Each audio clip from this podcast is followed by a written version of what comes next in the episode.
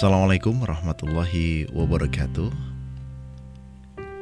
Alhamdulillahirrabbilalamin Salatu wassalamu ala asyrafil anbiya'i wal mursalin Sayyidina Muhammadin wa ala alihi wa ashabihi wa man tabi'ahum bi ihsanin ila yaumiddin. Alhamdulillah kembali hadir di ruang dengar kamu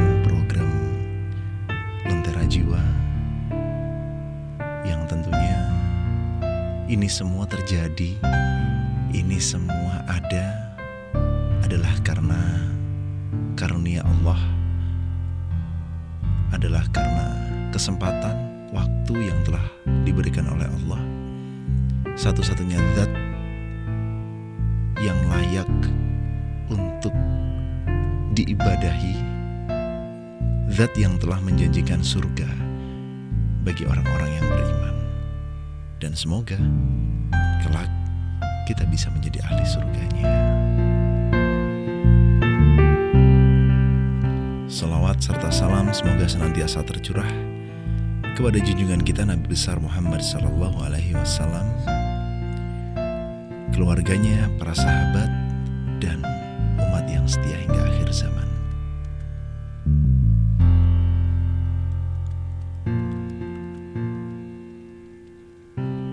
Setelah melalui empat episode yang panjang dari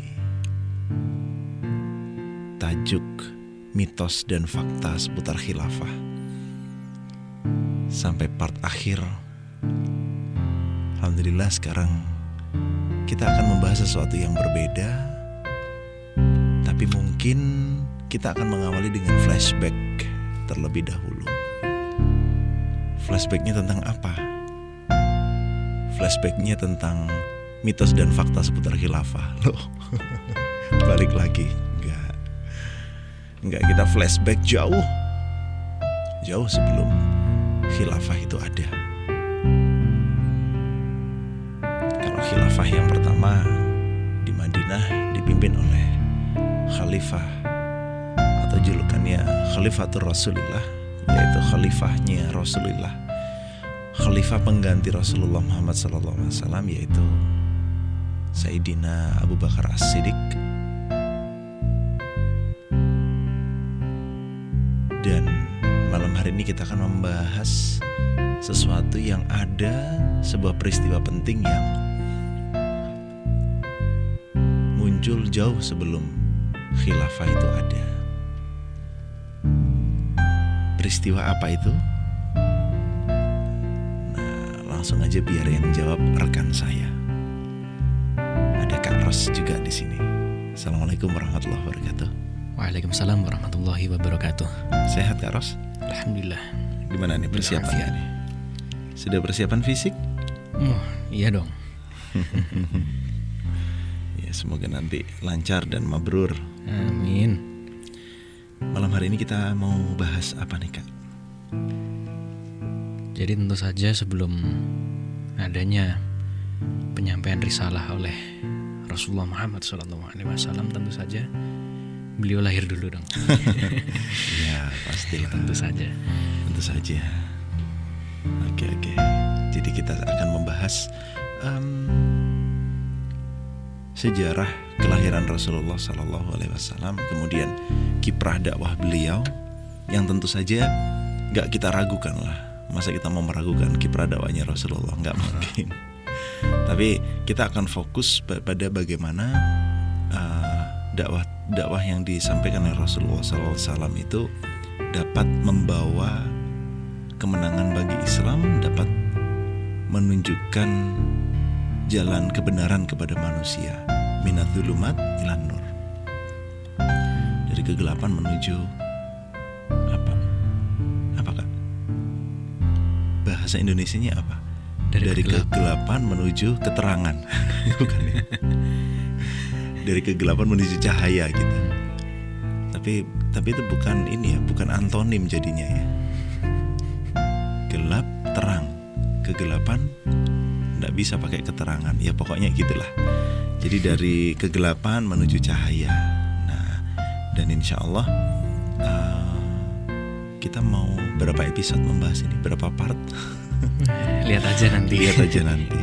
Nah, jadi uh, di kesempatan malam hari ini kita akan mengulik sejarah kekasih kita. Kita akan mengulik sejarah nabi terakhir yang diutus untuk umat manusia.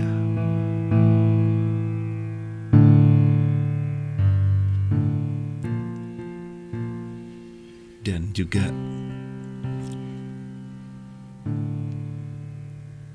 seperti di episode-episode sebelumnya ketika kita memasuki segmen satu ada breaknya dulu ada breaknya dulu jadi nggak seperti part terakhir di mitos dan fakta kemarin ya. Part pertama langsung ya langsung berapa? 40 segmen, menit. iya segmen opening jadi 55 menit. Oh. Segmen pertamanya 55 menit eh segmen pembuka setelah itu break sejenak kemudian masuk di segmen pertama. Ya kalau di part-part pertama gini insya Allah nggak seperti itu part pertama itu kita akan memulainya dengan sesuatu yang uh, apa ya sesuatu yang uh, calm down dulu ya hmm. nah, kalau kemarin episode terakhir uh, part terakhir maksud saya itu kan di awal udah ada ngegas-ngegasnya. Nah, tahu nanti di uh, episode ini di part dari uh, cerita cinta, nah itu dia. Judulnya saya bocorin. Oh. Beberapa waktu lalu kan kita posting nih di Instagram cerita cinta segera dikulminasi gitu. Nah ini hmm. episode uh, dari Lentera Jiwa yang merupakan part dari mini seri bukan mini seri drama ya apa ya mini seri sejarah Rasulullah SAW berjudul cerita cinta jadi jangan ke mana-mana sebagaimana Rasulullah SAW telah memberikan jalan terang. Nah itu dia kayaknya bahasa yang pas ya. Menunjukkan jalan jalan terang bagi umatnya maka tetaplah bersemangat untuk senantiasa menyalakan lentera jiwa. Kami akan kembali sesaat lagi.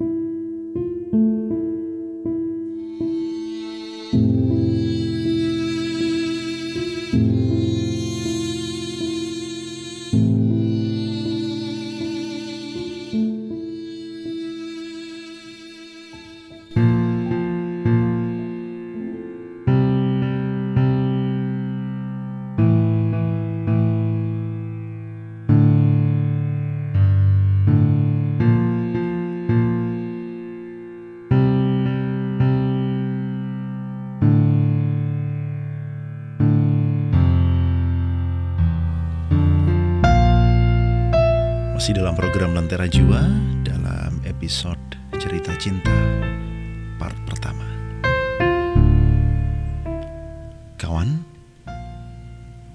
bulan yang istimewa yaitu bulan Rabiul Awal kaum muslimin itu dari tahun ke tahun senantiasa memperingati momentum kelahiran atau Maulid uh, Nabi Muhammad SAW. Kelahiran sosok yang agung pembawa risalah Islam yang ditus oleh Allah Subhanahu wa taala untuk seluruh umat manusia. Jadi kafatan linnas dan sebagai rahmat bagi semesta alam. Dan tentu saja perhatian kaum muslimin ini uh, terhadap peringatan Maulid itu menjadi salah satu bentuk ekspresi kecintaan terhadap beliau.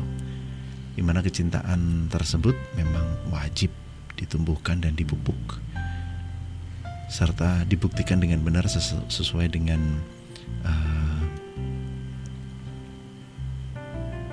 sifat yang telah Allah sematkan dalam diri Rasulullah SAW. Dan sebenarnya kalau kita ngomongin cinta itu gimana sih, Kak Ros?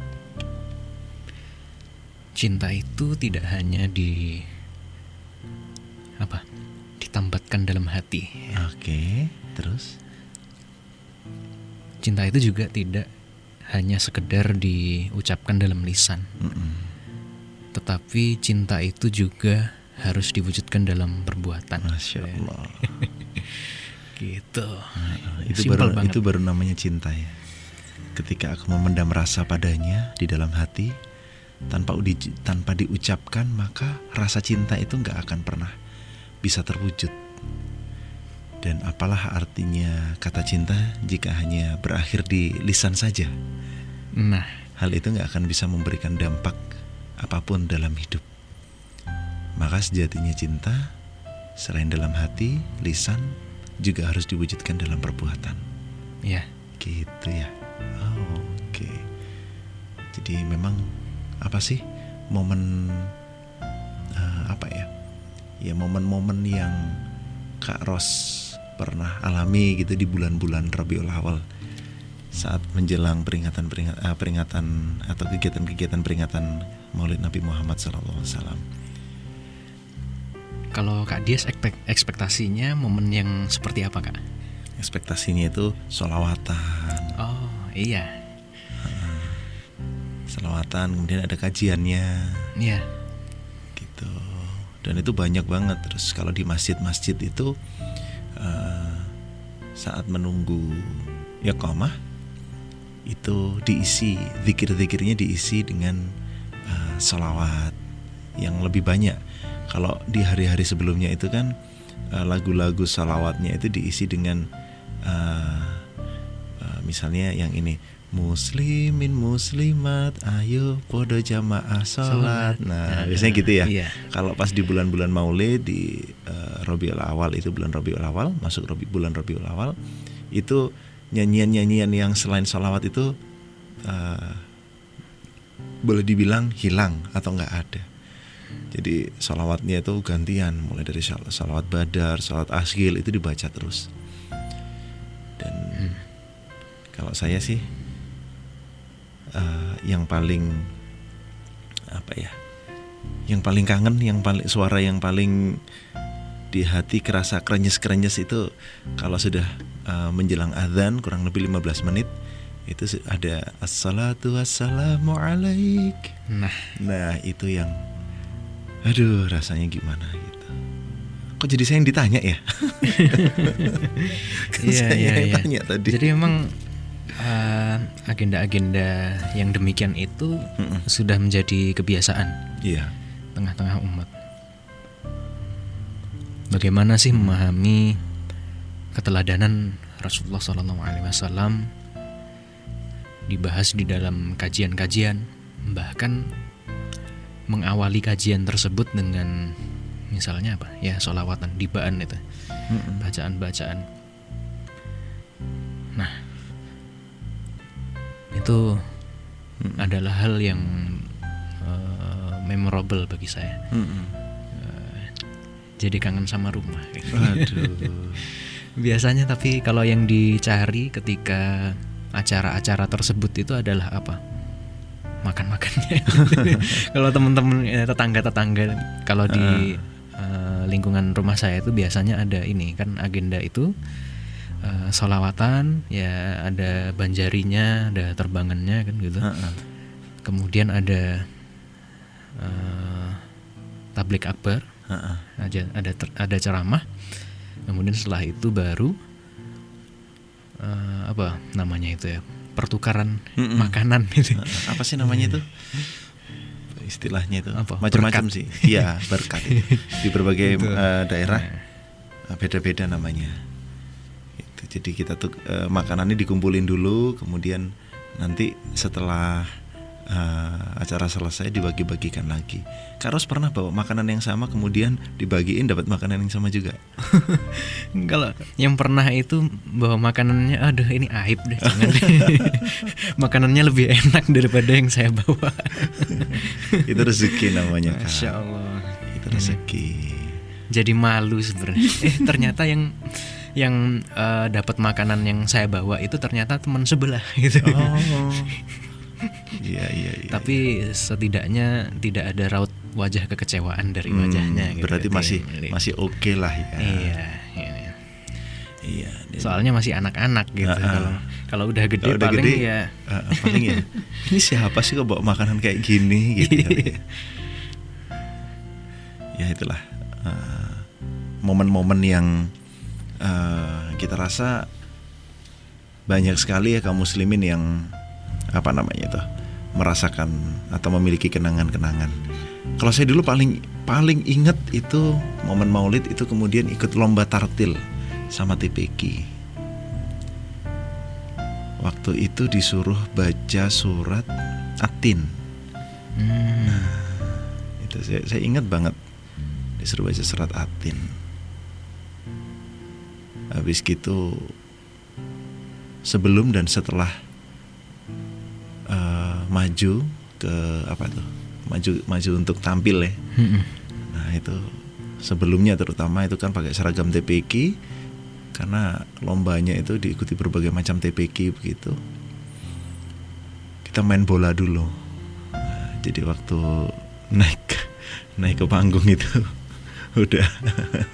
Mukanya udah nggak karu-karuan. Bajunya ada capnya bola gitu. Oh. Iya iya iya iya.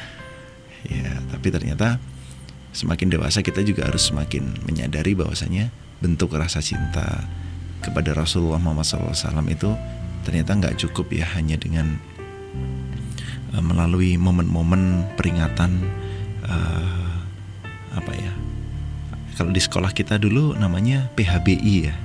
Ya. Acara-acara semacam itu aja momen-momen perayaan seperti itu saja. Tapi uh, lebih dari itu ternyata dalam kehidupan sehari-hari kita juga harus meneladani mencontoh apa pun itu uh, perintah dan juga perilaku Rasulullah Muhammad SAW ya. Dan itu luas banget ya bagaimana Rasulullah uh, secara pribadi terhadap uh, dirinya terhadap diri beliau uh, kemudian ibadah beliau kepada Allah dan juga hubungan beliau dengan manusia-manusia yang lain dengan uh, orang-orang di sekitarnya artinya apa ya kita nggak hanya meneladani bagaimana cara beliau makan cara cara beliau berjalan cara beliau minum tapi juga bagaimana cara beliau berhadapan dengan orang-orang non-muslim, cara beliau memimpin sebuah negara. Artinya apa? Rasulullah adalah uh, uswah kita dalam berbagai macam uh, urusan, dalam berbagai macam hal, baik itu secara pribadi, bermasyarakat, dan bernegara. Setelah ini kita akan bahas uh, saat-saat di mana dunia menjadi terang benderang pada saat beliau lahir ke dunia. Jadi terangin dulu aja lentera jiwanya.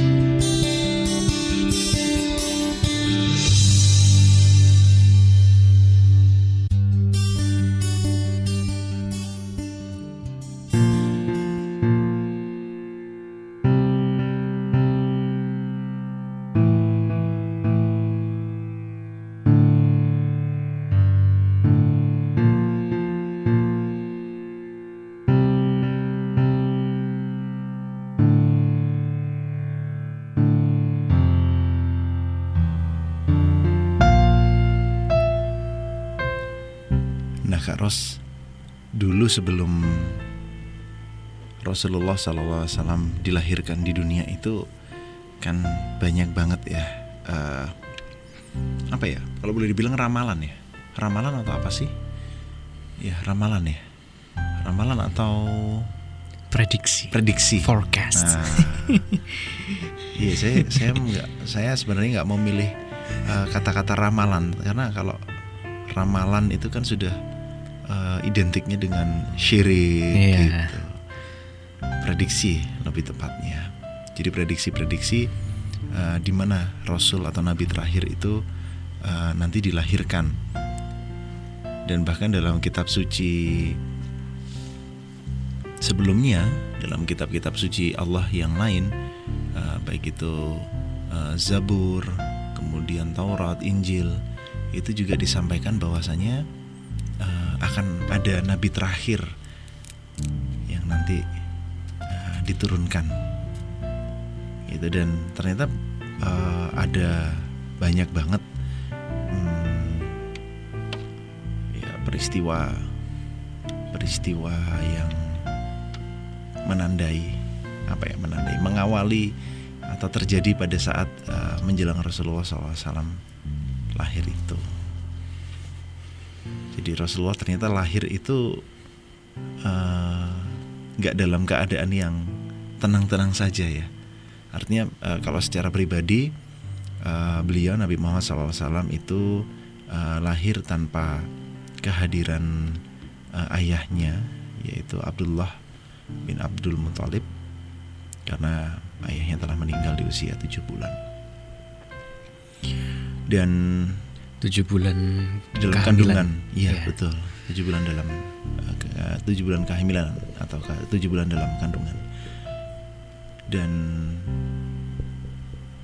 pada saat kondisi kelahiran Rasulullah ini juga di apa istilahnya bukan disambut tapi diawali didului dari uh, sebuah perang yang peristiwanya dikenang di dalam Al-Quran dalam surat Al-Fil itu ya. Jadi pasukan uh, Abraha yang menyerang kota Mekah dan ingin menghancurkan Ka'bah. Gitu. Itu kok bisa-bisanya sih Kak Ros ya? Ada orang yang mau menghancurkan Ka'bah itu. Jadi punya punya dendam apa sih sebenarnya eh, Abraha itu ingin menghancurkan Ka'bah? Kok bisa kok bisa apa ya punya pikiran seperti itu? Jadi nggak mungkin nggak ada eh, alasannya Mm-mm. gitu. Jadi ternyata di mana di negerinya Abraha itu apa ya? Ada ini bangunan. gereja. Ha-ha. ada gereja ada tempat peribadatan begitu. Eh, namanya Al-Qulais. Yang pintunya itu terbuat dari emas lantainya dari perak dan pondasinya itu dari kayu cendana. Wah, mewah banget ya. Mewah banget. Dan siapa pun pasti akan melihat dan takjub dengan kemegahannya tapi apa yang terjadi? Nah orang Arab itu terutama ya karena udah udah punya Ka'bah yang walaupun Ka'bah itu sederhana banget. Iya. Sederhana aja ya bangunan bangunan kota gitu. Mm-mm. Eh, nggak ada emas emasnya nggak ada peraknya nggak ada mutiaranya nggak ada ya nggak ada barang-barang atau benda-benda yang mewah lah di situ. Iya. Akan tetapi bangsa Arab terutama ini eh, lebih apa ya lebih memuji atau memuja ya memuja Ka'bah itu sebagai sesuatu yang istimewa yang spesial jadi semegah apa pun Al-Qulais Al-Qulais eh, punyanya Abraha ini nggak mampu menandingi Ka'bah dan akhirnya eh, Abraha ini ingin menghancurkan Ka'bah gitu. Jadi gara-garanya sepele karena bangunannya dihina gitu. Oh iya ya iri sebenarnya ya kan? Iri. Nah, gitu. Apalagi eh, ada ada sejarah nih katanya nih ya. Iya. itu kan tapi, tapi memang di beberapa sirah eh, disebut disebutkan tapi di di sirah-sirah yang lain nggak disebutkan. Itu ceritanya ada orang Arab yang buang hajat. Di bangunannya si Abraha ini. Oh iya iya iya iya. ceritanya gitu. Akhirnya geramlah si Abraha ini. Jadi dibilang eh rumahmu jelek gitu kan. Bagusan nih bagusan juga rumahku gitu. Iya iya ya, iya. memuncaklah iya, iya. emosinya Abraha. Kemudian dia uh, mematangkan rencananya dan uh, apa ya nggak cuman nggak cuman mengumpulkan pasukan tapi dia ini juga uh, dalam tanda kutip mengimpor pasukan gajah dari Ethiopia dari mana? Habasyah ya. Hmm, oh iya. Uh, dari Habasyah gitu. Ya begitulah kemudian. Masih ingat nggak kisahnya kisah penyerangan uh, pasukan gajahnya Raja Abraha itu? Jadi gajah yang dibawa oleh Abraha itu Mm-mm. ada yang disebut eh, ada beberapa riwayat yang menyebutkan bahwasannya eh, dia membawa 8 gajah Mm-mm. sementara yang lain membawa 12 gajah dan memang benar-benar kayaknya dendam nih Mm-mm. ingin banget Iya. menghancurkan Ka'bah ya. Uh-uh. caranya gimana caranya dengan meletakkan rantai pada pilar-pilarnya. Wis entah nanti seperti apa eh, diikatkan ya Mm-mm. Ya, diikatkan terus habis itu eh, gajah-gajah itu menarik seret sehingga Mm-mm. Langsung runtuh Ro- semuanya ah, gitu runtuh. kan nah, jadi ternyata eh, kuasa Allah ya Mm-mm. Allah SWT itu menjaga Hmm. Ka'bah ini dengan eh, menurunkan atau mengirimkan pasukan burung burung burung ababil iya Nah, jadi ini kisahnya ada di surat Al-Fil, Mm-mm. diabadikan luar biasa. Mm-mm. Akhirnya sebagaimana di ayat terakhir ya. Mm-mm. Faja'alahum ka'asfim ma'kul. Mm. Seperti apa? Daun yang daun yang dimakan ulat dimakan ulat. Uh-uh. Jadi eh, pasukan Abraha ini dijatuhi batu-batu yang Uh-uh. didatangkan dari dari mana? Dari neraka. iya dari neraka membawa batu Jadi- dari neraka Luar biasa sekali. itu baru batunya doang gitu ya. Iya. ngeri Tapi sebenarnya gini kak, saya itu kalau membahas masalah orang yang iri ya, Uh-uh. orang yang iri dengan eh, adanya suatu tempat yang ini kok rame padahal ya sederhana aja sih Ha-ha. sebenarnya tempatnya. Uh-uh. Ya ini terlepas dari pembangunan yang sedang berlangsung ya secara terus menerus. Tapi ya husnuzon aja lah yang namanya kaum muslimin kan jumlah Ya. jumlahnya terus bertambah. Jadi memang eh, masyarakat Makkah sebagai tuan rumah ya, sebagai tuan rumah itu tentu harus menyediakan eh, hospitality yang eh, tempat eh, apa ya istilahnya tempat penginapan ya Ya. akomodasi yang Mm-mm. baik, Baik. sehingga pembangunan terus berjalan. Nah, saya tuh jadi ingat kayaknya kemarin itu ada yang bilang Mm-mm. masalah kalau doa itu jangan pakai bahasa Arab terus oh iya harus ada yang bahasa Indonesia karena orang-orang ada yang nggak paham iya iya iya iya iya. tapi yang cukup parah ini agak lama ya sebenarnya eh, berita ini jadi eh, ini saking parahnya Mm-mm. ada orang yang punya ide Hmm. Haji itu nggak usah ke Baitullah. Di Indonesia aja. Terus kalau tawaf berihram itu nggak usah pakai kain ihram. Pakai batik aja. Dan saya meli saya saya melihat kisahnya Abroha ini uh, luar biasa. Ketika ada orang ya kita sebut oknum ya Mm-mm. yang berusaha untuk apa ya namanya orang yang dia berusaha untuk menyaingi Mm-mm. tempat yang sudah di ditetapkan oleh Allah Subhanahu wa taala sebagai ya tempat suci Mm-mm. Baitullah. Iya. Kemudian kalau Abroha ini sudah sampai mau nyerang kan ya, Mm. mau nyerang tempat tersebut. Yang terjadi apa? Ya sebagaimana tadi daun dimakan ulat. Iya. Jadi gimana ya kawan hati-hati kalau membahas sesuatu sesuatu yang sudah eh, dijaga oleh Allah Subhanahu Wa Taala dan kita berusaha untuk menodai Iya. hal-hal tersebut. Nah, jadi Allah Subhanahu Wa Taala sudah memberikan pelajaran pada kita ketika kita melakukan hal-hal yang sifatnya itu tadi menodai, maka Allah akan mendatangkan mendatangkan azab. Iya. entah seperti apa azabnya karena bisa jadi azab di masa lalu dengan di masa sekarang itu berbeda. Beda.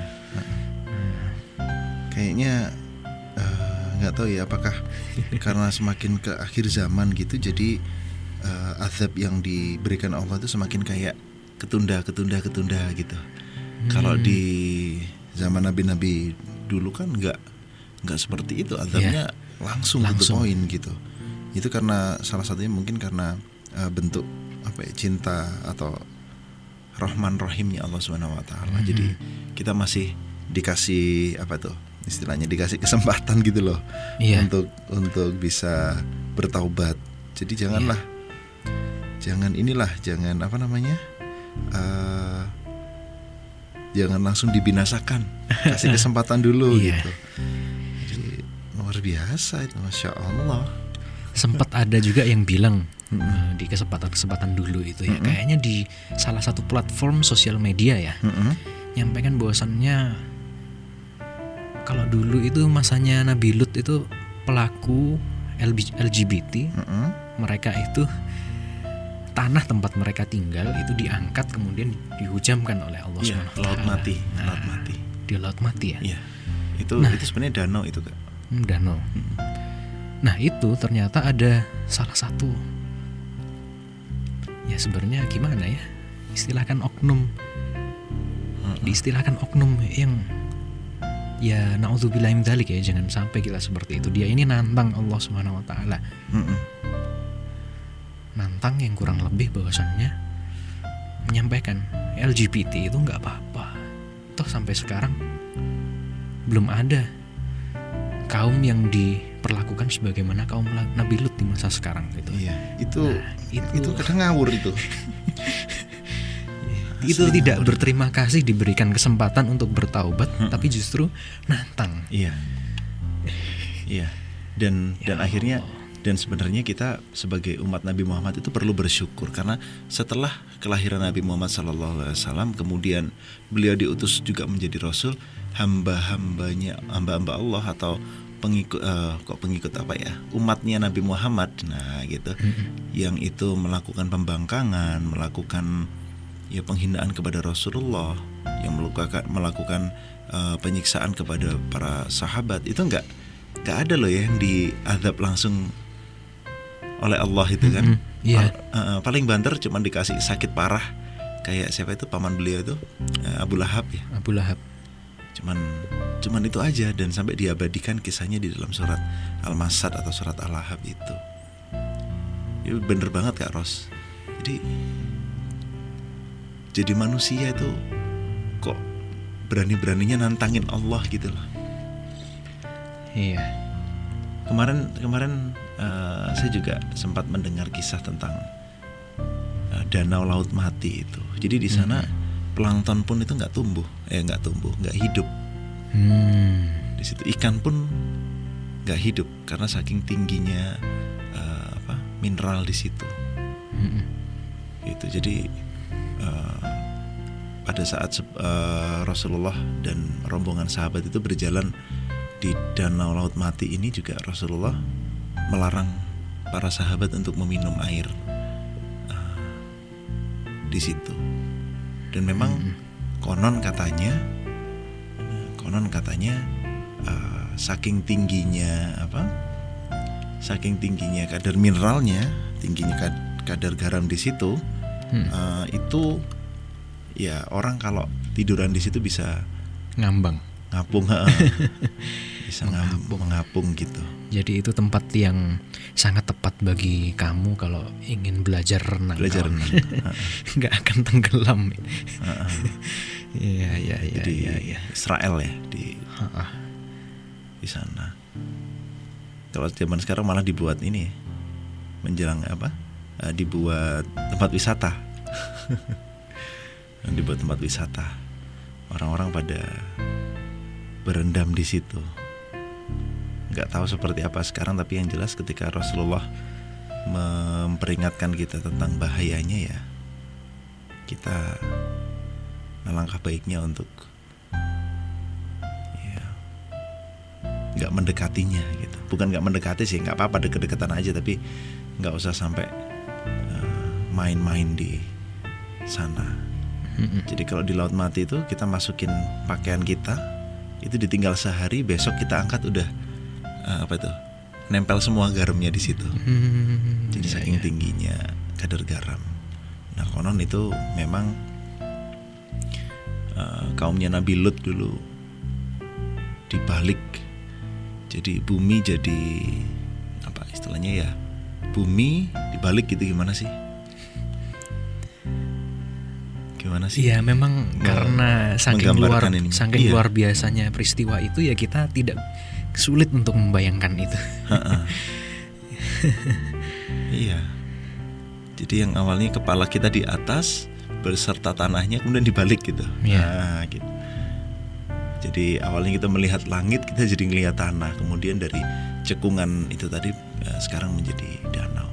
Ya entah karena banyaknya manusia yang eh, mati di dalamnya atau gimana walau alam tapi yang jelas yaitu eh, salah satu apa ya peninggalan eh, sejarah betapa eh, azab Allah itu benar-benar nyata benar-benar ada.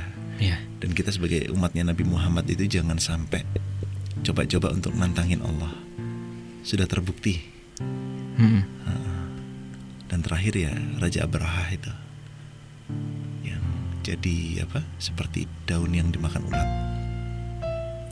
Karena memang eh, nanti nanti kalau Kak Ros eh, umroh eh, kita ya kok kita Kak Ros kemudian ada ya Insya Allah kapan kemarin kemarin pas tanggalnya nggak bareng sih kalau bareng kan bisa keren gitu kita bikin Oh, gitu. podcast di sana berdua Eh, nanti kalau eh, Kak Ros habis city tour kota Mekah eh, setelah dari Jabal Rahmah setelah dari Jabal Rahmah kita ya kita lah oke lah. Kita nanti ngelewatin padang Arafah itu kan? Iya. Nah, di sana ada pohon Soekarno itu. Jadi pohon yang ditanam oleh Presiden Soekarno dulu. Oh ya. dia nggak ya lumayan jauh juga sih. Kemudian nanti belok kanan gitu. Saya nggak memperhatikan arah mata angin kemarin itu. Iya. ke arah kanan itu eh, nanti kita diajak jalan-jalan ke eh, Mina Musdalifah itu ya. Mm-mm. tempat bermalam. Kemudian nanti kita juga ngelewat nggak ngelewatin sih. Kita bisa ngelihat terowongannya Mina itu tempat ke arah lempar jumroh. Hmm. nah itu eh, kita nanti ditunjukin itu. Nah nggak jauh dari situ itulah eh, tempat tersungkurnya Abraha. Hmm. jadi Abraha ini kan da- eh, dari Ka'bah dia kan kabur kan ceritanya. Hmm, dia iya, iya. kabur kemudian dilemparin batu begitu nggak langsung mati. Saya nggak bisa bayangin seseorang yang menunggang gajah artinya menunggang hewan ya itu dari Ka'bah kemudian eh, berjalan itu berapa ya? Kalau naik bus sih naik bus itu sekitar satu jam lah. Satu jam atau ya, ya satu jam lah. Sekitar satu jam dari dari Masjidil Haram ya. Itu menuju ke daerah Mina di situ kemudian. Nah kalau kalau naik naik gajah nggak tahu berapa jam. Itu kemudian baru tersungkur baru mati di situ gitu jadi sakitnya kayak apa itu Iya iya iya. iya. itu luar biasa itu jadi di situ tempat tersungkurnya jatuhnya gajahnya Abraha beserta Abrahanya mati di situ jadi kalau ke sana itu nanti ngeliat ini loh bekas-bekas kelakuan makhluk Allah Iya. yang nggak tahu diri nah, gitu Ya memang kalau kita melihat tadi membahas tentang ini ya balasan bagi orang-orang yang nakal. Mm-mm. Saya jadi ingat bagaimana sih sebenarnya cintanya Rasul. Mm-mm. Bahkan Rasul itu kepada orang-orang yang membenci masih ya membenci non muslim. Jadi memang beliau ini tidak seperti pada masa nabi-nabi sebelumnya yang Mm-mm. kaumnya itu diazab langsung. Mm-mm. Jadi ketika Rasulullah ini sedang berada pada masa ini kayaknya loncat ya, tapi nggak apa-apa deh. Kebetulan ingat dia pada masa ini ya tahun berduka. Saya lupa bahasa Arabnya apa ya tahun berduka. Jadi pamannya Abu Talib wafat, kemudian istrinya beliau Khadijah wafat kan akhirnya beliau salah satu aktivitasnya itu adalah eh, mencari Iya. Keluarga atau kerabat beliau salah satunya di Taif kan jadi ternyata beliau ini kan eh, gimana bahasanya ya dilemparin batu beliau Mm-mm. oleh Oh ke Taif. Iya. oleh eh, orang-orang Taif ya Mm-mm. dan itu sebenarnya malaikat itu benar-benar kasihan dengan Rasulullah ya. Jadi Rasulullah ini sudah mengalami amul huzn, ya, amul huzn. Dan beliau masih dilemparin juga dengan batu-batu, dengan Iya. segala macam hal yang bisa dilempar kepada Rasul Iya. oleh or- orang-orang Taif. Kemudian malaikat ini mengusulkan, ya Rasul berdoa, bagaimana jika orang-orang Taif ini nanti dihujani batu saja? Nah, kemudian apa kata Rasul? Rasulullah ini menolak permintaan tersebut. Karena apa? Ternyata beliau ini justru mendoakan semoga apa? Seluruh warga Taif itu nanti akan menjadi pemeluk Islam seluruhnya. Dan ternyata di masa setelah itu menjelang jadi intinya masa-masa menjelang wafatnya beliau itu kemudian Taif ini kemudian ditaklukkan Iya. dan seluruh warganya masuk Islam. Iya, saya nggak ngerti ininya sih. Saya nggak ngerti bagaimana dulu sejarah itu diceritakan ya pada saat, Hmm. pada saat Rasulullah lahir itu.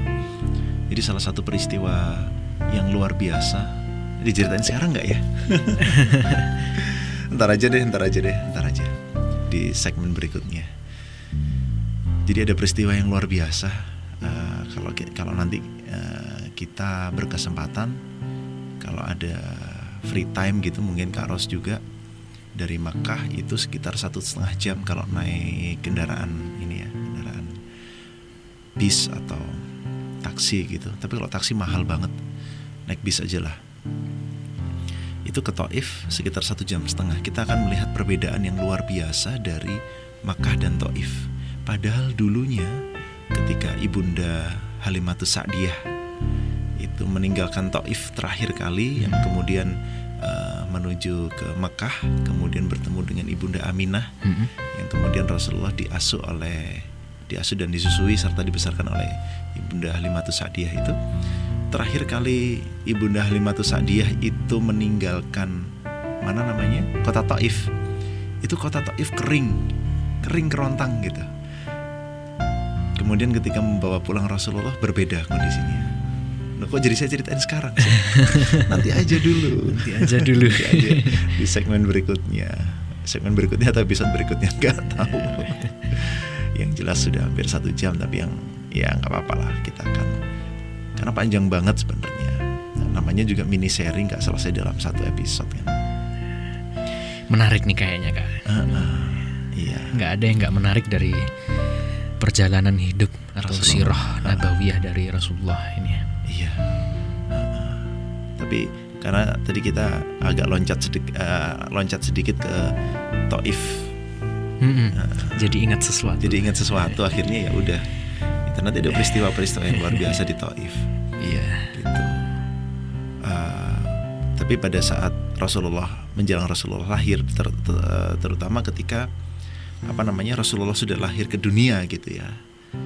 Ketika Rasulullah terlahir itu terjadi peristiwa yang luar biasa di eh, tengah-tengah masyarakat Majusi. Hmm, wah iya itu. Itu Majusi kalau sekarang eh, daerahnya mana itu ya? Pers- eh, Persia ya. Iya. Nah, di yang Persia waktu itu mayoritas. Hmm, yang mayoritas Majusi. Kalau tadi eh, Raja Abraha dari Yaman kemudian takluk oleh Allah. Ini nggak main-main ya. Allah sendiri yang menaklukkan ya. Hmm. Gitu. Eh, di sana kemudian apinya padam. Jadi api Majusi yang disembah selama beratus-ratus tahun itu Mm-mm. dan eh, mereka menganggap eh, api itu sebagai Tuhan dianggap sebagai Tuhan dan nggak padam beratus-ratus tahun akhirnya padam, Padam juga. juga. dan anehnya lagi ketika eh, api tersebut mencoba untuk dinyalakan itu nggak bisa. Nggak bisa nyala lagi gitu. Udah habis. Gitu. Ya sudah akhirnya eh, apa namanya peringatan bagi manusia bahwasanya kekufuran eh, terhadap Allah itu akan segera binasa. Nah, gitu Mm-mm. ceritanya. Itu baru menjelang kelahirannya atau pada saat Rasulullah lahir. Mm-mm. Bagaimana nanti ketika Rasulullah sudah dewasa kemudian mendakwahkan Islam? Wah, Wah itu wah, banyak banget itu. banyak Waduh. banget. Nah, banyak sabar banget. nih, Kak. Nah, nggak sabar. Kita yang apa podcasting aja Ah, ah, nggak udah, sabar. Udah gitu. pengen keluar semua Iya, itu. gitu. Tapi udahlah nggak apa-apa nanti eh, akan kita lanjutkan di segmen selanjutnya. Sekarang kita break dulu. Kenapa harus break? Ya karena Iya. ada pikiran yang harus diistirahatkan dan ada sesuatu yang harus diendapkan terlebih dahulu. Yang namanya sesuatu yang baik itu nggak asik kalau dikeluarkan semuanya. Jadi jangan ke mana-mana. Bisa aja. Iyalah, ya pasti bisa lah. Hmm. Podcaster gitu ya. jangan ke mana-mana, tetap nyalakan lentera jiwa.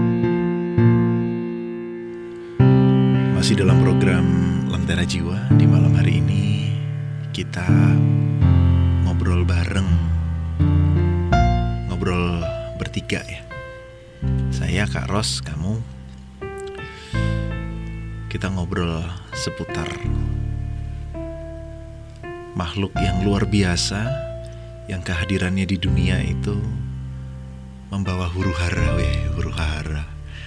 Membawa huru hara bagi penentang-penentang Allah. Hah. jadi kalau tadi sudah sempat kita bahas ya di majusi itu apinya sampai mati Kak Ros. Iya. begitu Rasulullah SAW lahir itu. Di apinya mati dan nggak bisa dinyalain lagi. Mungkin gimana ya ya itu kebesaran Allah sih ya yang memang yang memang bener-bener bener-bener eh, menunjukkan bahwasanya ini loh ada hamba Allah ada utusan Allah yang akan mencerahkan kehidupan manusia.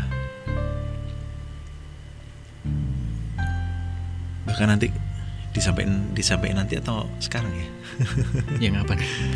Enggak nih, eh, saya enggak, anu, saya enggak yakin pembahasan kita kalau eh, sekarang kan kita lagi bahas peristiwa-peristiwa yang terjadi sebelum kelahiran Rasulullah gitu ya. Oh iya.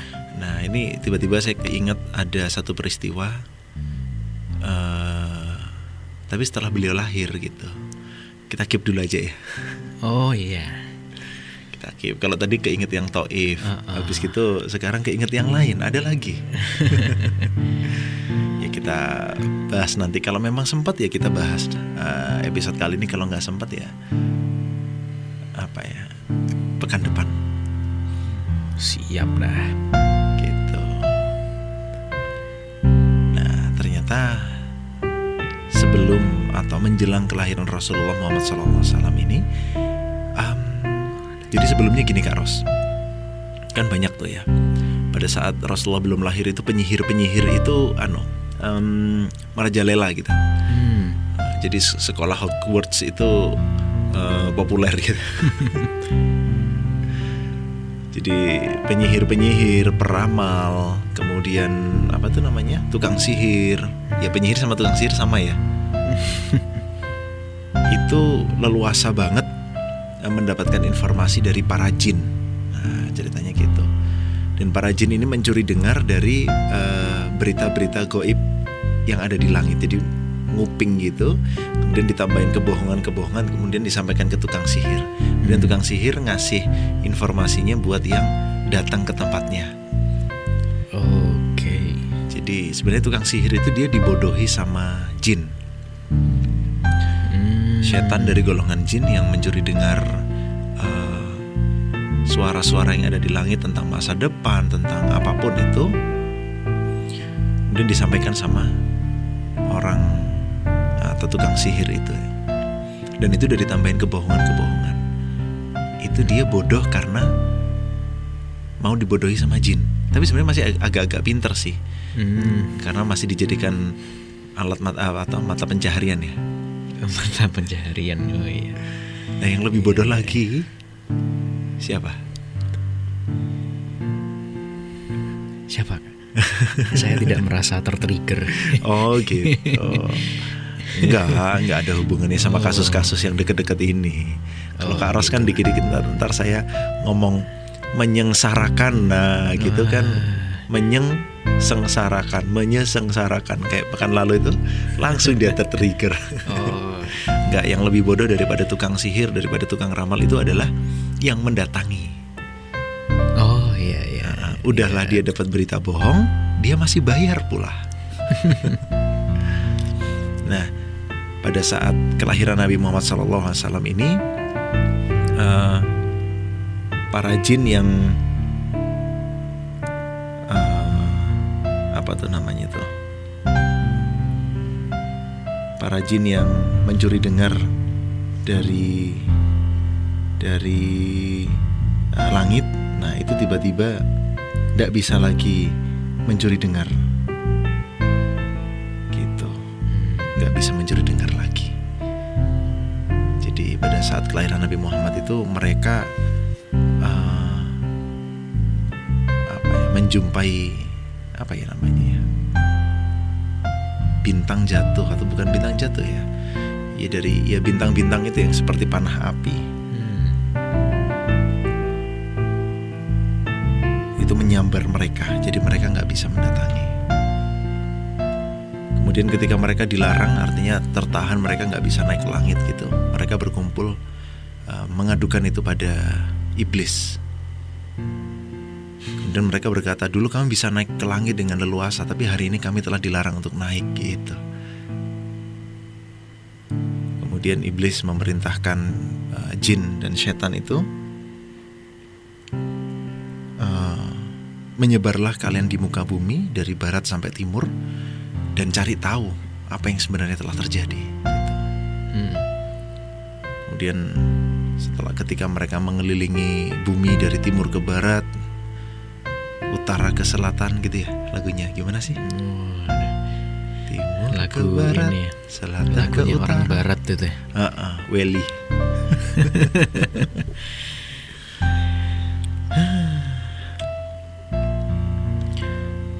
Kemudian sampailah mereka ke kota Mekah. Nah, kemudian di sana nampaklah Nabi Muhammad, bayinya Nabi Muhammad ini sedang dikelilingi oleh para malaikat dan memancar cahaya dari dirinya sampai mencuat ke langit. Jadi eh, rumahnya Aminah, ibu Aminah radhiyallahu anha itu kan ini ya atasnya ada atapnya sih kan? Hmm. apa sih ya itulah atapnya itulah. nah itu eh, apa ya dalam sebuah riwayat disampaikan bahwasanya di antara bibirnya Rasulullah itu eh, apa terpancar cahaya itu yang sampai menembus ke langit gitu dan para malaikat itu saling memberi ucapan selamat antara satu dengan yang lain. Nah, kemudian kembalilah setan-setan ini, jin-jin ini menghadap kepada iblis sambil menceritakan eh, tentang apa yang mereka saksikan. Kemudian iblis itu berteriak dengan suara yang keras. Wah, gitu. Telah keluar ayatul alam. Rahmat bagi Bani Adam. Dan karena itulah kalian telah dicegah untuk naik ke langit tempat pandangannya dan pandangan umatnya. Hmm. Jadi setelah ini baru kelahirannya aja ya Rasulullah itu benar-benar sudah memberikan keselamatan, memberikan wah kebaikan bagi alam semesta gitu. Iya. Nanti belum belum ini lagi, belum tanda-tanda yang lain ketika beliau sudah beranjak dewasa.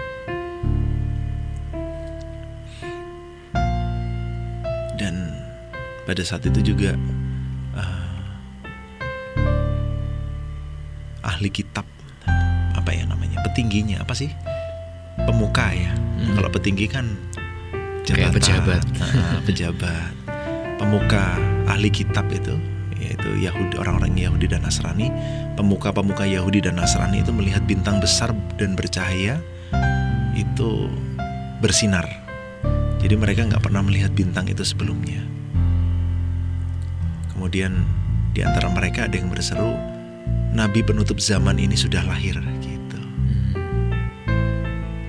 Dan ini juga eh, telah dikabarkan ya, eh, oleh seorang pemuka eh, Yahudi itu bahwasanya di dalam Taurat itu sudah em, apa, diberikan tanda bahwasanya ketika nanti ada satu bintang yang bersinar itu tandanya Nabi akhir zaman itu sudah lahir gitu. Jadi di antara jutaan bintang yang bersinar, ada satu bintang yang bersinar malam itu. Gitu. Kayak lagu. Oh iya. Tapi sinarnya masih lebih terang. Sinar kamu. Waduh. Beneran itu lagu FTV ada itu. Oh iya kah? iya beneran. iya kah? Iya. Apa ya? Apa itu? Kurang kurang paham saya. nggak pernah nonton FTV sih dulu. Yang bukan nggak pernah jarang sih. Kalau zaman dulu tuh ceritanya bukan nggak mau nonton tapi akhirnya gimana mana apa terpaksa. Terpaksa. Tapi emang ceritanya gitu-gitu aja. ceritanya gitu-gitu aja itu tadi eh, nasi jadi teringat teringat lagi ketika cerita tentang pembes, eh, pemuka agama Yahudi Nasrani itu Hmm. itu nanti ada pendeta Bahiro yang kita akhirnya kita kenal itu ya, yang menemui Rasulullah pada saat berteduh di sebuah pohon itu Hmm. Nah, ternyata pendeta Bahiro ini punya kawan, punya sahabat yang dia adalah pamannya Khadijah radhiyallahu anha. Oh iya iya iya. Jadi ternyata Khadijah radhiyallahu anha ini menikahi Rasulullah itu enggak apa namanya? enggak secara kebetulan. Dalam tanda kutip udah diincer Rasulullah itu. Hmm. Ketika kawannya eh, pen- eh, kawan kawan dari pamannya Khadijah itu ya pendeta yaitu pendeta Bahiro itu menunjukkan tanda-tanda em, membuktikan tanda-tanda kebenaran bahwa Muhammad itu adalah nabi yang terakhir disampaikan kepada eh, kawannya yang merupakan paman dari ibunda Khadijah radhiyallahu anha ya sudah. Diincar itu. Maksudnya diincar itu gimana sih? Ya udah ditarget saya harus menjadi istrinya dia gitu. Menjadi pendampingnya dia. Menjadi pendamping akhir zaman gitu. Itu kriterianya Sayyidah Khadijah ya. Iya. mau mencari calon suami mencari pasangan hidup itu kekasih Allah gitu. Kalau kita kriterianya gimana kak? Kalau wanita zaman sekarang kriterianya gimana? Ya Allah jodoh yang soleh ya Allah. Yang utama nggak apa-apa. Tapi kalau bisa ada bonusnya ganteng kaya anak tunggal.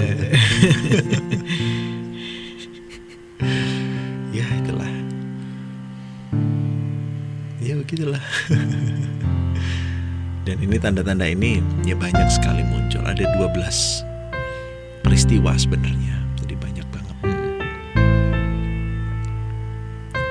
Kalau dari eh, sini itu sebenarnya ada pelajaran apa sih kayak yang bisa kita ambil dari kelahirannya Rasulullah? Kemudian alam semesta itu kayak kayak gimana ya? Kayak memberikan memunculkan tanda-tanda yang luar biasa gitu. Pelajaran apa yang bisa diambil kalau Kak Ros Tanda-tanda yang luar biasa ketika Nabi Shallallahu Alaihi Wasallam ya, Mm-mm. ketika lahir. Mm-mm. Jadi memang em, ya sebenarnya gimana ya menjelaskannya? Gak apa-apa Ya, waktu kita masih sih, banyak eh, istilahnya memang eh, Allah Subhanahu wa taala itu ingin menunjukkan bahwa adanya rasul yang terakhir itu bukan sesuatu yang biasa gitu. bukan sesuatu yang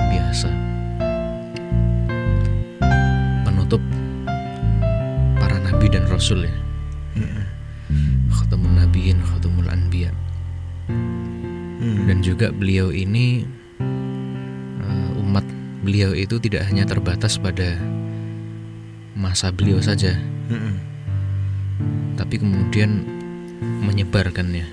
Bahkan kita ada di Indonesia ini yang jaraknya ribuan kilometer dari puluhan ribu kilometer dari Jazirah Arab.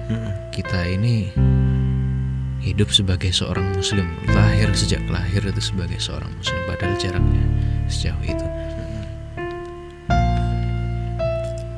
jadi memang ini sih em, kalau manusia di masa lalu dengan masa sekarang itu hal yang membuat umat manusia takjub itu kan berbeda Iya. dari masa ke masa Mm.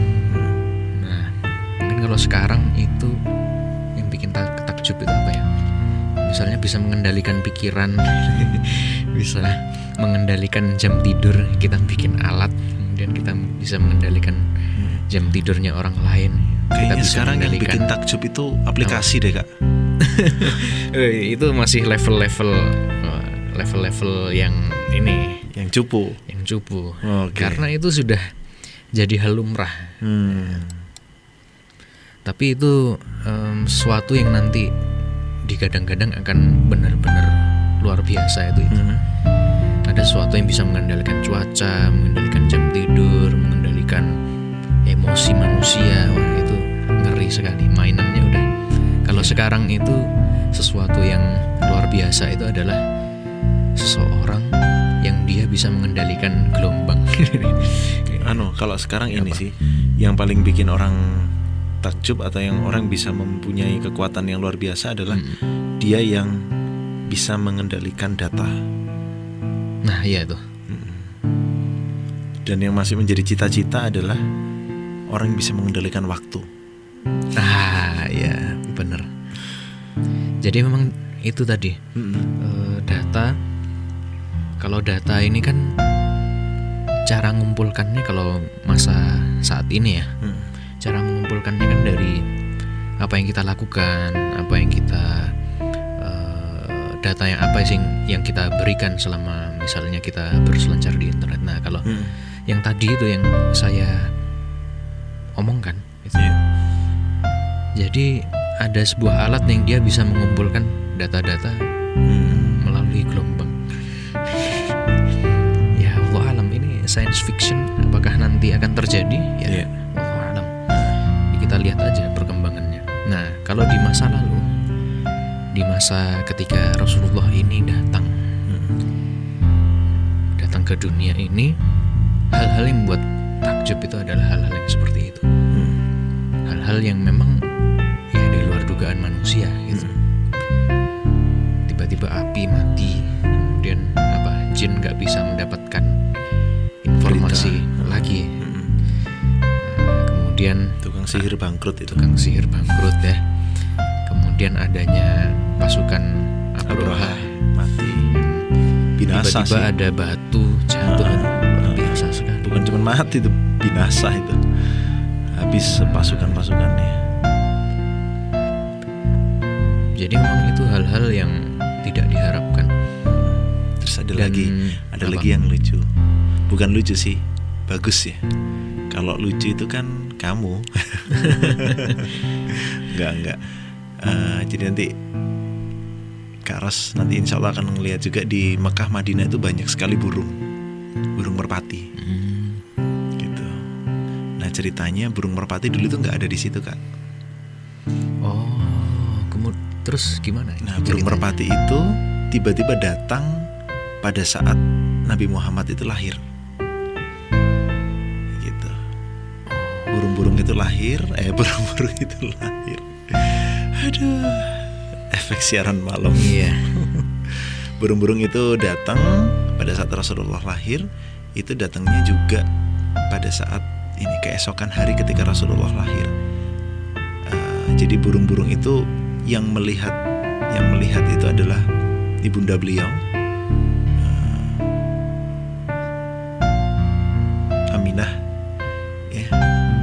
pada saat Rasulullah dibawa ke ini ke Ka'bah pada saat Rasulullah diajak tawaf oleh Hmm. eh, Ibu Aminah kemudian beliau itu melihat ya di di sekitaran Ka'bah itu ada ini ada apa namanya burung-burung yang banyak itu Hmm. Nah, walhasil nantinya ketika Rasulullah ini diserahkan kepada Ibu Halimah Sa'diyah Hmm. untuk disusukan kan, kemudian Iya. dia dibawa, diajak pulang ke Taif ceritanya kan. Ha. Itu burung-burung itu tadi terbang di atasnya apa untanya unta yang ditunggangi oleh Hmm. Ibunda Halimah itu. Jadi jadi payung gitu. Nah, kemudian ya merpati itulah yang kemudian sampai sekarang beranak pinak eh, cucu buyut nggak karu-karuan gitu. itu sampai Oh, sekarang iya. ada di Mekah dan Madinah. Ya, Masya Dan itu dan itu nggak boleh dibunuh. Nggak boleh dibunuh, Hmm, nggak boleh iya, dibunuh. Iya, iya, iya. Gitu karena di sana tanah suci, makhluk hidup itu sangat senang eh, tinggal di sana ya karena kalau Mekah itu tempat kelahirannya Rasulullah, Madinah adalah tempat wafatnya Rasulullah yang eh, Rasulullah yang memilih untuk dimakamkan di Madinah juga itu. Hmm. Itu ada peristiwa yang menakjubkan. Tiba-tiba iya, ada iya, burung iya. itu juga. Ha. Terus terus lanjutin, lanjutin. Kalau seingat saya juga ini ya waktu Rasulullah itu di dibawa juga oleh kakeknya Mm-mm. Abdul Muthalib eh ya Abdul Muthalib ya. Mm-mm. dibawa juga untuk tawaf ya Tawaf, di sekitar Ka'bah itu. Kemudian ternyata ini berhala itu tumbang. tumbang semua. Bahkan beberapa yang saya kalau saya ingat itu sampai ini bersujud berhala. Ya, dan kemudian kaget loh kok seperti ini Iya. Terus ada juga itu waktu mau di- didekatkan ke Hajar Aswad. Mm-mm. Nah itu kalau kita mau mencium Hajar Aswad kitanya yang ke- kita yang kepalanya masuk gitu kan. Hmm. Itu nanti cari momentum yang agak sepi aja. Kemarin ya senang-senang gimana gitu, ngeri-ngeri sedep gitulah rasanya Hmm. itu. Karena di luar kan dihimpit uh orang yang banyak ya. Kalau kita itu susah payah mau mencium Hajar Aswad, kepala kita masuk ke dalam lubangnya itu, dan bukan lubang sih cekungan gitu kan. Kepala kita masuk ke dalam situ. Kalau Rasulullah nggak Hajar Aswad yang keluar dari Ka'bah. Kemudian mencium Rasulullah. Itu itu peristiwa luar biasa banget itu. Ya ya ya nggak bisa kita nggak bisa bayangin gimana batu bisa keluar kemudian mendekatkan dirinya ke wajah Rasulullah. Jadi Hajar Hajar Aswad yang nyium nyium Rasulullah. Gitu. kalau kita kalau ada batu mendekat itu hati-hati. Ada yang nimpukin kita. Ada yang ngelemparin. Ya. iya. Itu luar biasa sekali itu kak. Bener. Iya. lanjut lanjut lanjut. Tapi kemudian kan em, apa yang menjadi risalah Rasulullah itu? Al-Quran penjelas ya dalam berbagai macam urusan maka ya hal-hal yang tadi sebelumnya dikatakan luar biasa itu api yang mati kemudian berhala bersujud kemudian adanya batu-batu yang me- meluluh lantakkan pasukan Abraham. Abroha itu semuanya terjawab Mm-mm. ya kan ya diabadikan dalam surat ke dalam ayat Mm-mm. dalam hadis-hadis kan jadi itu sebagai eh, apa bahasanya bahasanya kawan kita itu memvalidasi Hmm. Mm-mm. bahwasannya Rasul yang ini Rasul yang terakhir ini memang benar-benar Rasul yang terakhir Mm-mm. datangnya dari Allah Iya. ya ini terlepas dari yang sebelumnya kita bahas di Lentera Jiwa ya Iya. jadi memang adanya coba gimana gimana bisa menjelaskan adanya peristiwa eh, apa tadi Broha itu Mm-mm. padahal pada masa itu belum terbukti eh, belum Iya. bisa yang namanya manusia itu nggak tahu masalah sains itu em, teknologi itu belum sampai ke sana Iya. dan ternyata disampaikan oleh Rasul kan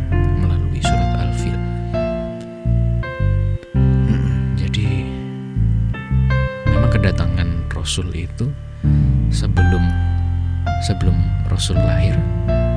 Kemudian ketika Rasul lahir dan masih bahkan masih da- berada dalam pangkuannya. Iya. Itu memang Allah itu ingin menunjukkan. Allah itu menunjukkan.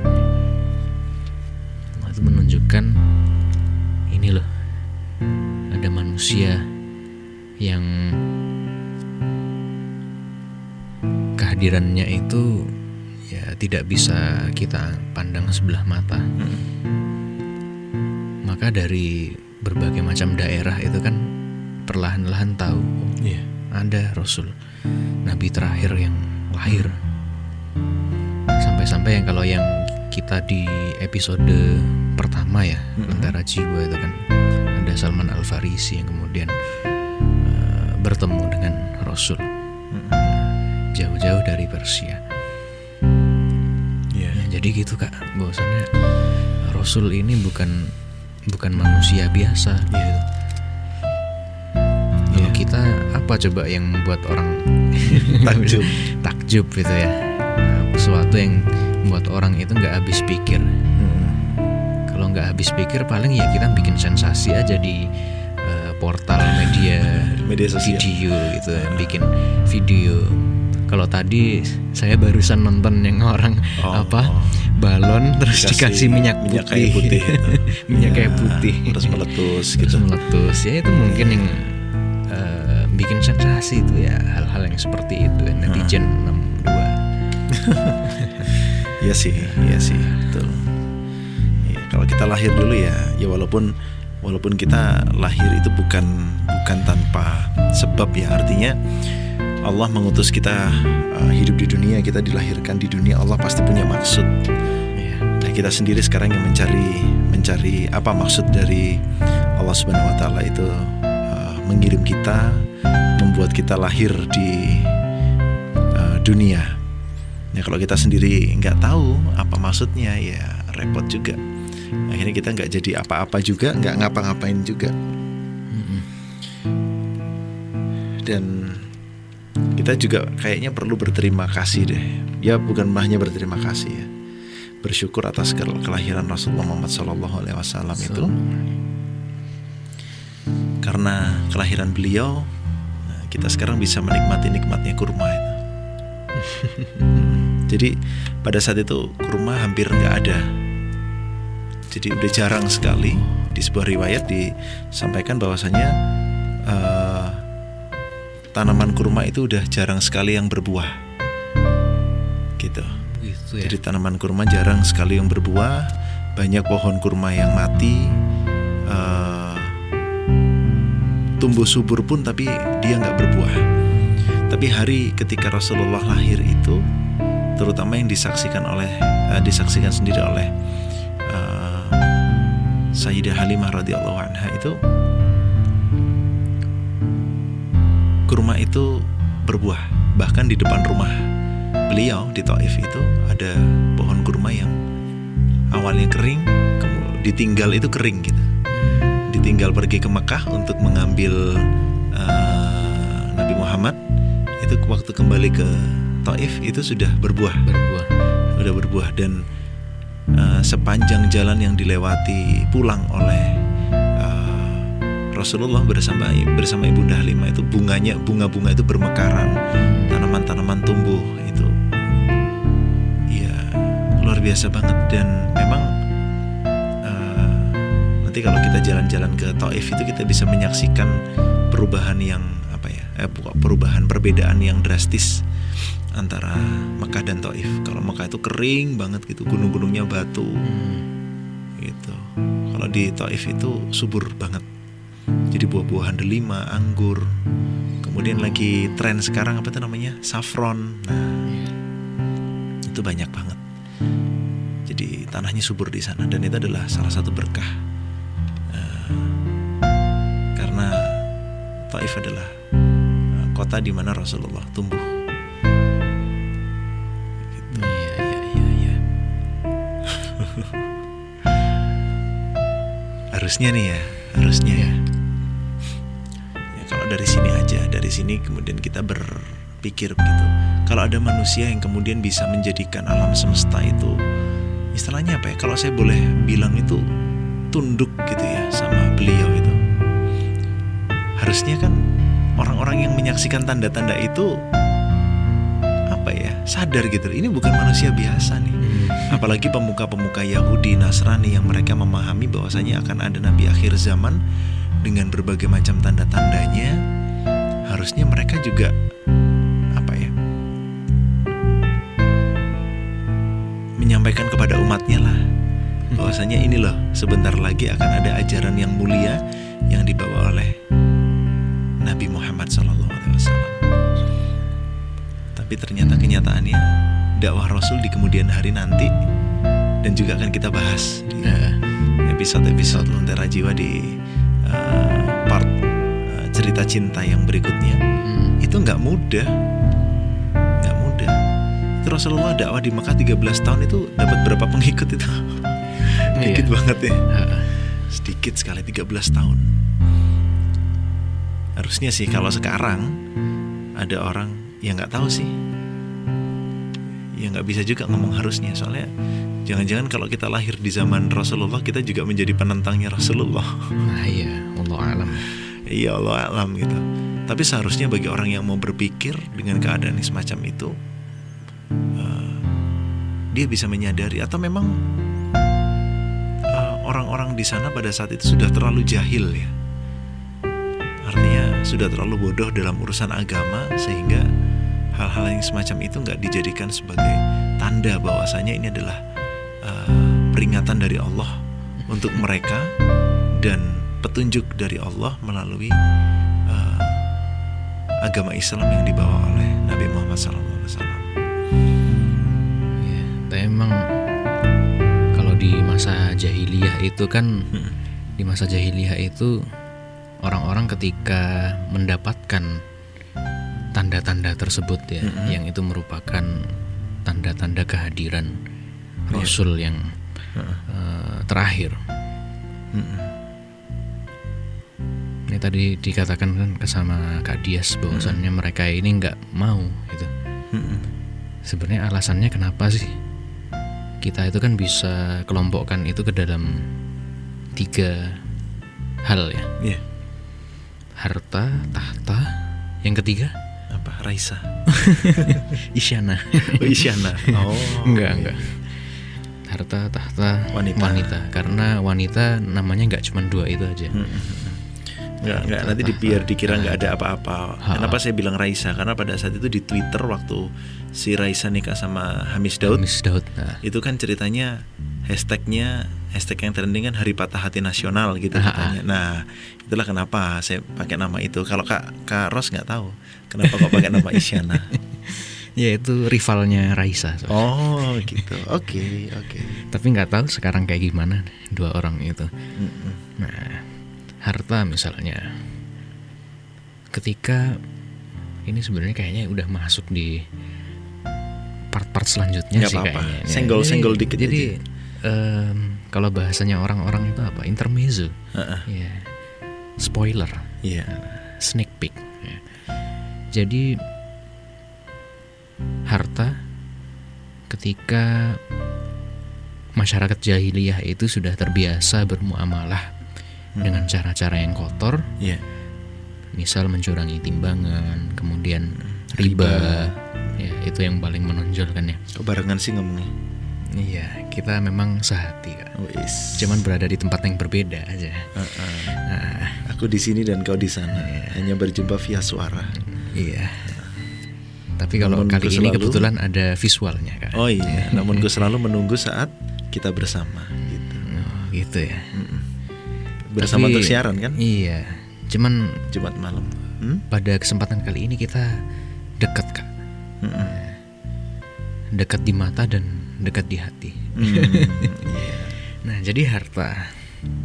Mereka ini khawatir ketika nanti mereka mengikuti apa yang diajarkan oleh Rasul, apa yang disampaikan oleh Rasul, maka mereka akan meninggalkan hal-hal yang itu dapat menyebabkan itu menjadi penyebab eh, menjadi apa ya istilahnya sebab musabab mereka ini kaya. Hmm, Oke. Nah, itu pertama kan yang harta. Iya. Kalau tahta, kalau mereka itiba mengikuti Rasul yang terakhir ini, mereka akan memikirkan bahwasannya, wah nanti saya akan meninggalkan jabatan saya, saya Mm-mm. tidak akan lagi Menjabat. mendap- mendapatkan jabatan yang saya bisa melakukan apa saja dengan Mm-mm. jabatan tersebut. Iya. Nah, salah satunya ketika dapat jabatan ya dia bisa milih mana wanita yang dia sukai, ya, Hmm. tinggal dipilih kemudian dinikahi. Jadi sebenarnya tiga hal itu yang Dan bukan dini dan bukan menikah loh ya. iya ada Orang-orang- juga yang jadi kan memang ya hanya untuk Iya. ini memuaskan diri memuaskan bahasanya. ha. Iya, iya. Iya juga sih. Jadi mereka menolak Rasulullah itu karena bukan karena alasan wah ini nggak ada dalilnya nih enggak Iya. nggak gitu tapi karena ketika mereka mengikuti Rasulullah mereka akan kehilangan itu semua Karos kalau kalau tadi waktu ngomong itu waktu ngomong statement itu tadi Ha-ha. keinget sesuatu nggak Apa? ya keinget sesuatu Kayak gimana tentang yang mirip-mirip gitu menolak ajaran Islam hanya mengambil sebagian ajaran Islam yang katanya begini begitu, tapi ternyata ya itu semua uh, demi dunia. Sebagaimana Hmm, uh, orang kafir Quraisy yang pada saat itu menolak Rasulullah itu kan juga mengambil sebagian aja ajaran Ibra, ajaran Ibrahim. mm-mm. Jadi milaf Ibrahimnya diambil sebagian.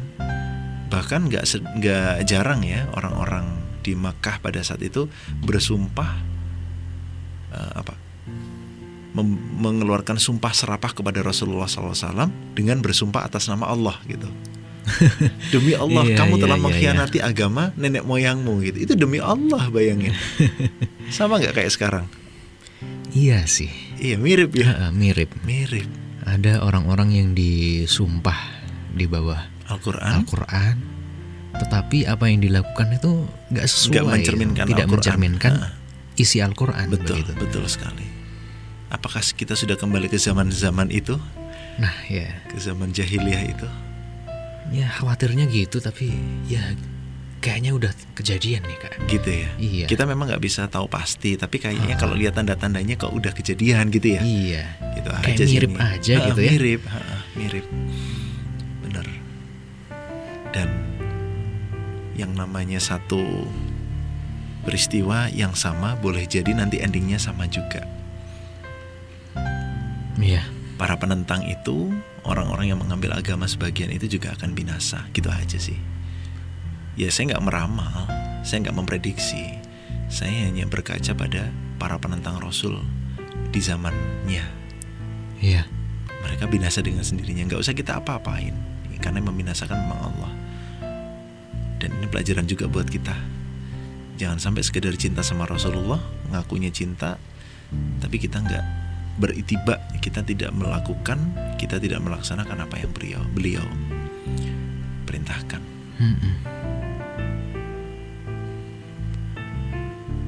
So gimana? Ini kok kita jadi diem-dieman nih? Kak Ros ngelirik-ngelirik berarti monitor ini. gitu. Udah satu jam 32 menit. Episode ini kawan harus diterbangin. Ha, harus segera supaya orang-orang yang kayak tadi itu ya mirip-mirip jahiliyah itu Mm-mm. atau bahkan persis ya. boleh jadi. Boleh jadi kan. boleh jadi Kita harus terbangin nih kawan episode Iya. ini biar mereka dengarkan episode ini. Oke gini deh untuk untuk Gimana? untuk untuk untuk momen closing ini kita cari istilah-istilah kita cari kesamaan kesamaan kesamaan yuk Oh ya. Gitu. Apa tuh? ya kesamaan antara apa yang terjadi saat ini bagaimana orang memperlakukan Islam dengan pada saat itu bagaimana orang-orang kafir Quraisy memperlakukan Allah jadi Tuhan Hmm, mereka kan iya, ada iya. empat ya Ha-ha. Allah Lata Uzza Manat Manat. Manat ya. Ada empat. Ha-ha. jadi mereka nggak hanya mengakui Allah tapi juga mengakui Tuhan-Tuhan yang lain. Hmm, ya ya ya ya. kalau sekarang?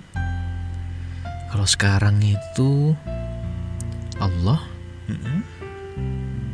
uang? Terus uang, jabatan, jabatan. Apalagi? Suara wakil rakyat eh. Eh, ya kenapa kok Iya. suara wakil rakyat? Karena memang sekarang yang menentukan baik dan buruk itu bukan cuma Al-Quran bahkan kebenaran di dalam Al-Quran itu bisa jadi salah dan yang diharamkan oleh Al-Quran bisa jadi halal karena apa karena suara ya suara mayoritas para wakil rakyat suaranya profesor yang Sama. satu orang Ha. dengan suara orang gila. Ha-ha, sama Mm-mm. Kemarin kok kayak, Kayak ini ya, mirip ya? lihat-lihat ada orang ini ya, eh, orang gila disimulasikan mau ini, mau memberikan mau- suara Iya, mau memberikan suara. Hmm. Entah itu simulasi atau kejadian ya. nggak tahu kayaknya ujian praktek sih Oh, ujian praktek. kalau bener-bener Oh. kejadian ya kebangetan lah Hmm. itu berarti yang mengadakan acara kayak begitu lebih gila daripada yang Iya, iya, daripada iya, orang iya. gila yang ada di situ. Ya gimana sekarang orang gila akalnya udah hancur begitu kok mau disuruh menentukan kebenaran disuruh memberikan suaranya itu kan kan kan lucu gitu. Iya. Terus apa lagi? Apalagi ya? Riba, riba. Hmm, riba. Cuma dulu riba itu disebut sebagai manfaat. Karena nggak mungkin dong aku minjemin duit sama kamu, aku nggak bisa pakai duit itu dalam jangka waktu tertentu kemudian kamu balikin ke aku tanpa ada kelebihannya Hmm, iya iya iya. Manfaat. iya. kalau zaman sekarang riba disebut apa interest? Tarif bunga bunga. Oh iya. apalagi ya bunga itu indah sih Gitu. tapi masih indah kamu kok Kamunya yang mana? yang itu terus apa lagi zina Zina. zaman sekarang jadi bahasa yang indahnya jadi apa zina kan jelek tuh. Kalau sekarang itu ini apa? Pergaulan bebas. masih terlalu negatif itu. Kalau zaman dulu kan wanita kalau kepengen punya anak pengen dihamilin gitu. Hmm. itu kan memasang bendera di depan rumahnya bukan bendera sih tanda. Warna merah begitu. Kemudian laki-laki yang mau berzina dengan dia bebas aja kemudian nanti ketika anaknya sudah lahir laki-laki yang tadi sudah berzina dengan ibunya itu dicari wajahnya yang paling mirip dengan anaknya. Gitu. Kalau zaman sekarang? Apa? iya. Hamil di luar nikah bangga. Oh iya iya iya iya. apalagi zina itu katanya suka sama suka. Iya, yang penting tanggung jawab. yang penting tanggung jawab apalagi Apalagi ya? Hmm, jual beli jual beli Jual beli. kalau dulu kan mengurangi timbangan Oh iya. Eh, kalau sekarang KW KW. Heeh, Hmm, baru pakai barang KW Iya sih. Iya iya iya. Kelihatannya kayak asli Eh, gitu kayak ya. asli Padahal sebenarnya kalau dilihat pakai kaca pembesar eh ternyata kok ada garis-garisnya ini. Iya. apa ini? Iya. Iya iya iya iya iya. Apalagi? Apalagi ya orang-orang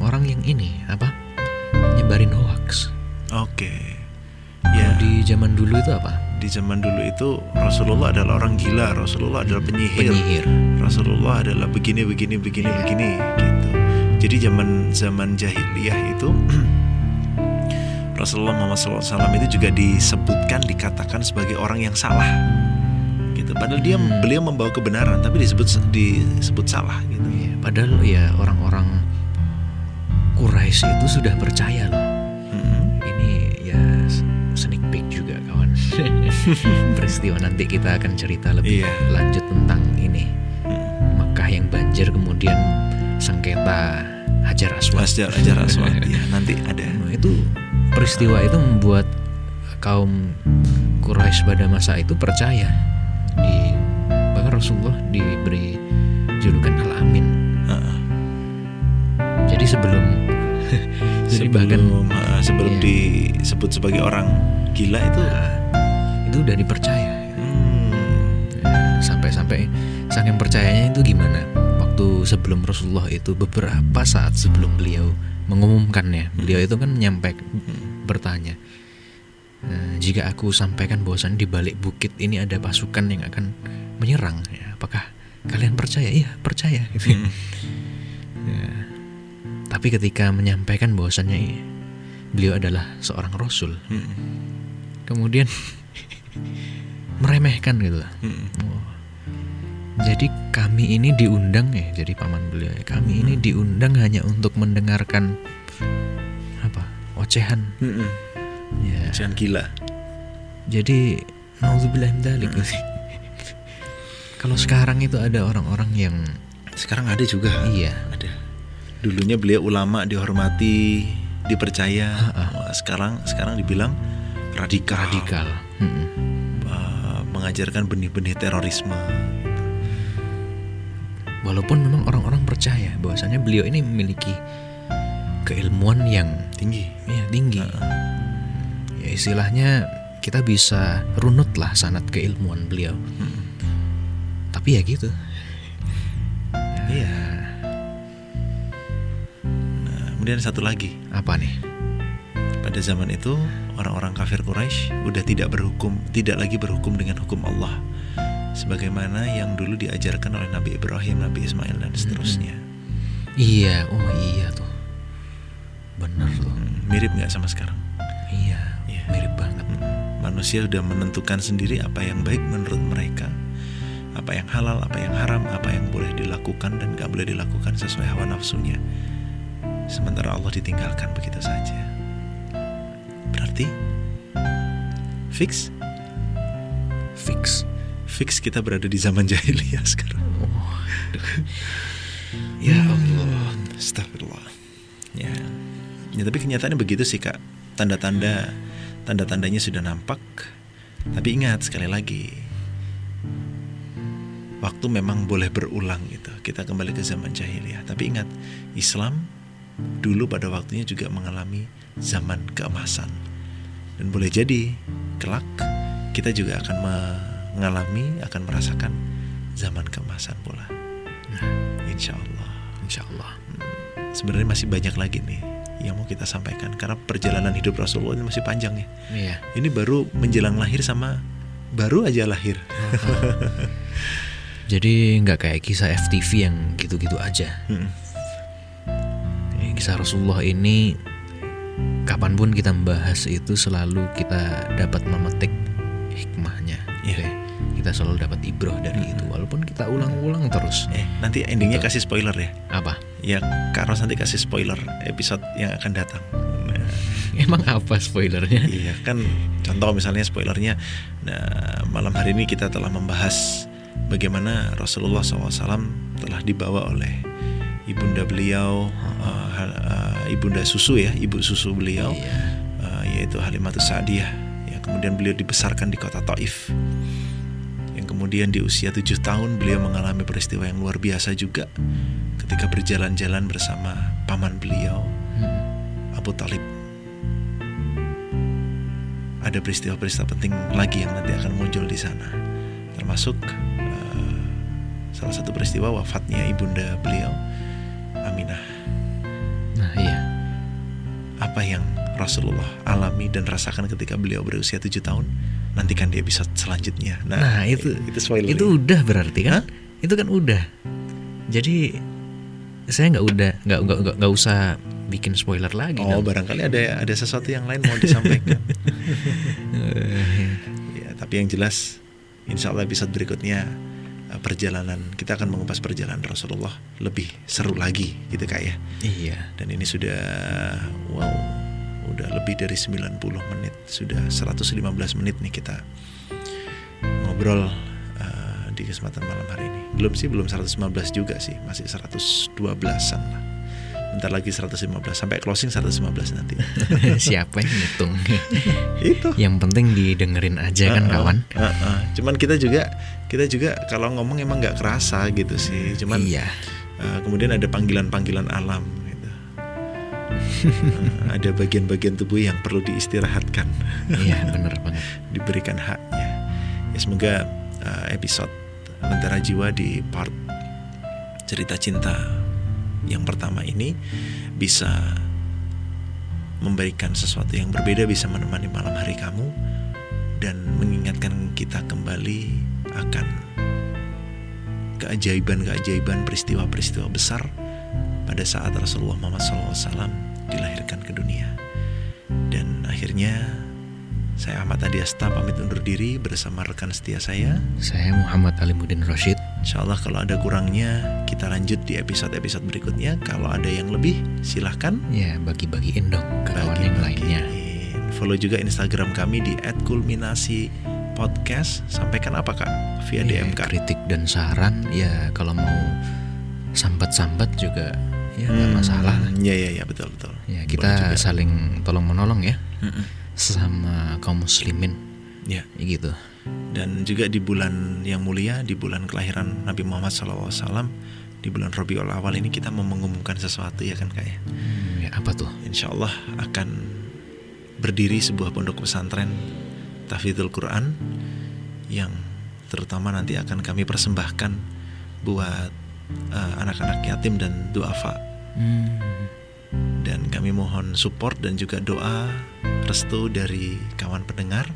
Semoga Allah bisa memberikan kemudahan dan kelak uh, sekolah ini bisa memberikan uh, sesuatu yang besar bagi peradaban umat Islam. Amin. Boarding school ya kak? Boarding school betul Nah, sekali. iya, iya. Islamic boarding school. Islamic boarding school tafidul Quran untuk anak-anak yatim dan duafa. Oke, gitu deh. Untuk episode kali ini kita pamit mundur dulu ya. Oke. Akhirul kalam. Bila taufiq wal hidayah wa biridha wal inayah. Assalamualaikum warahmatullahi wabarakatuh.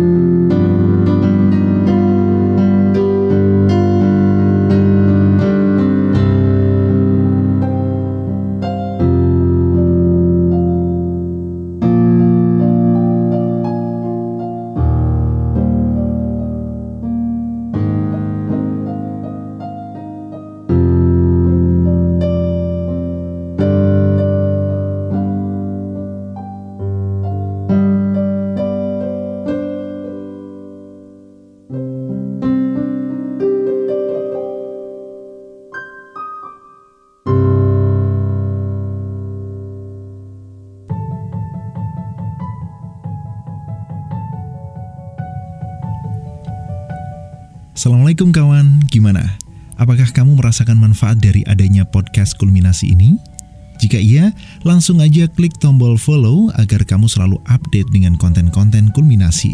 Silahkan juga share link podcast kulminasi agar manfaatnya dapat dirasakan oleh lebih banyak orang lagi.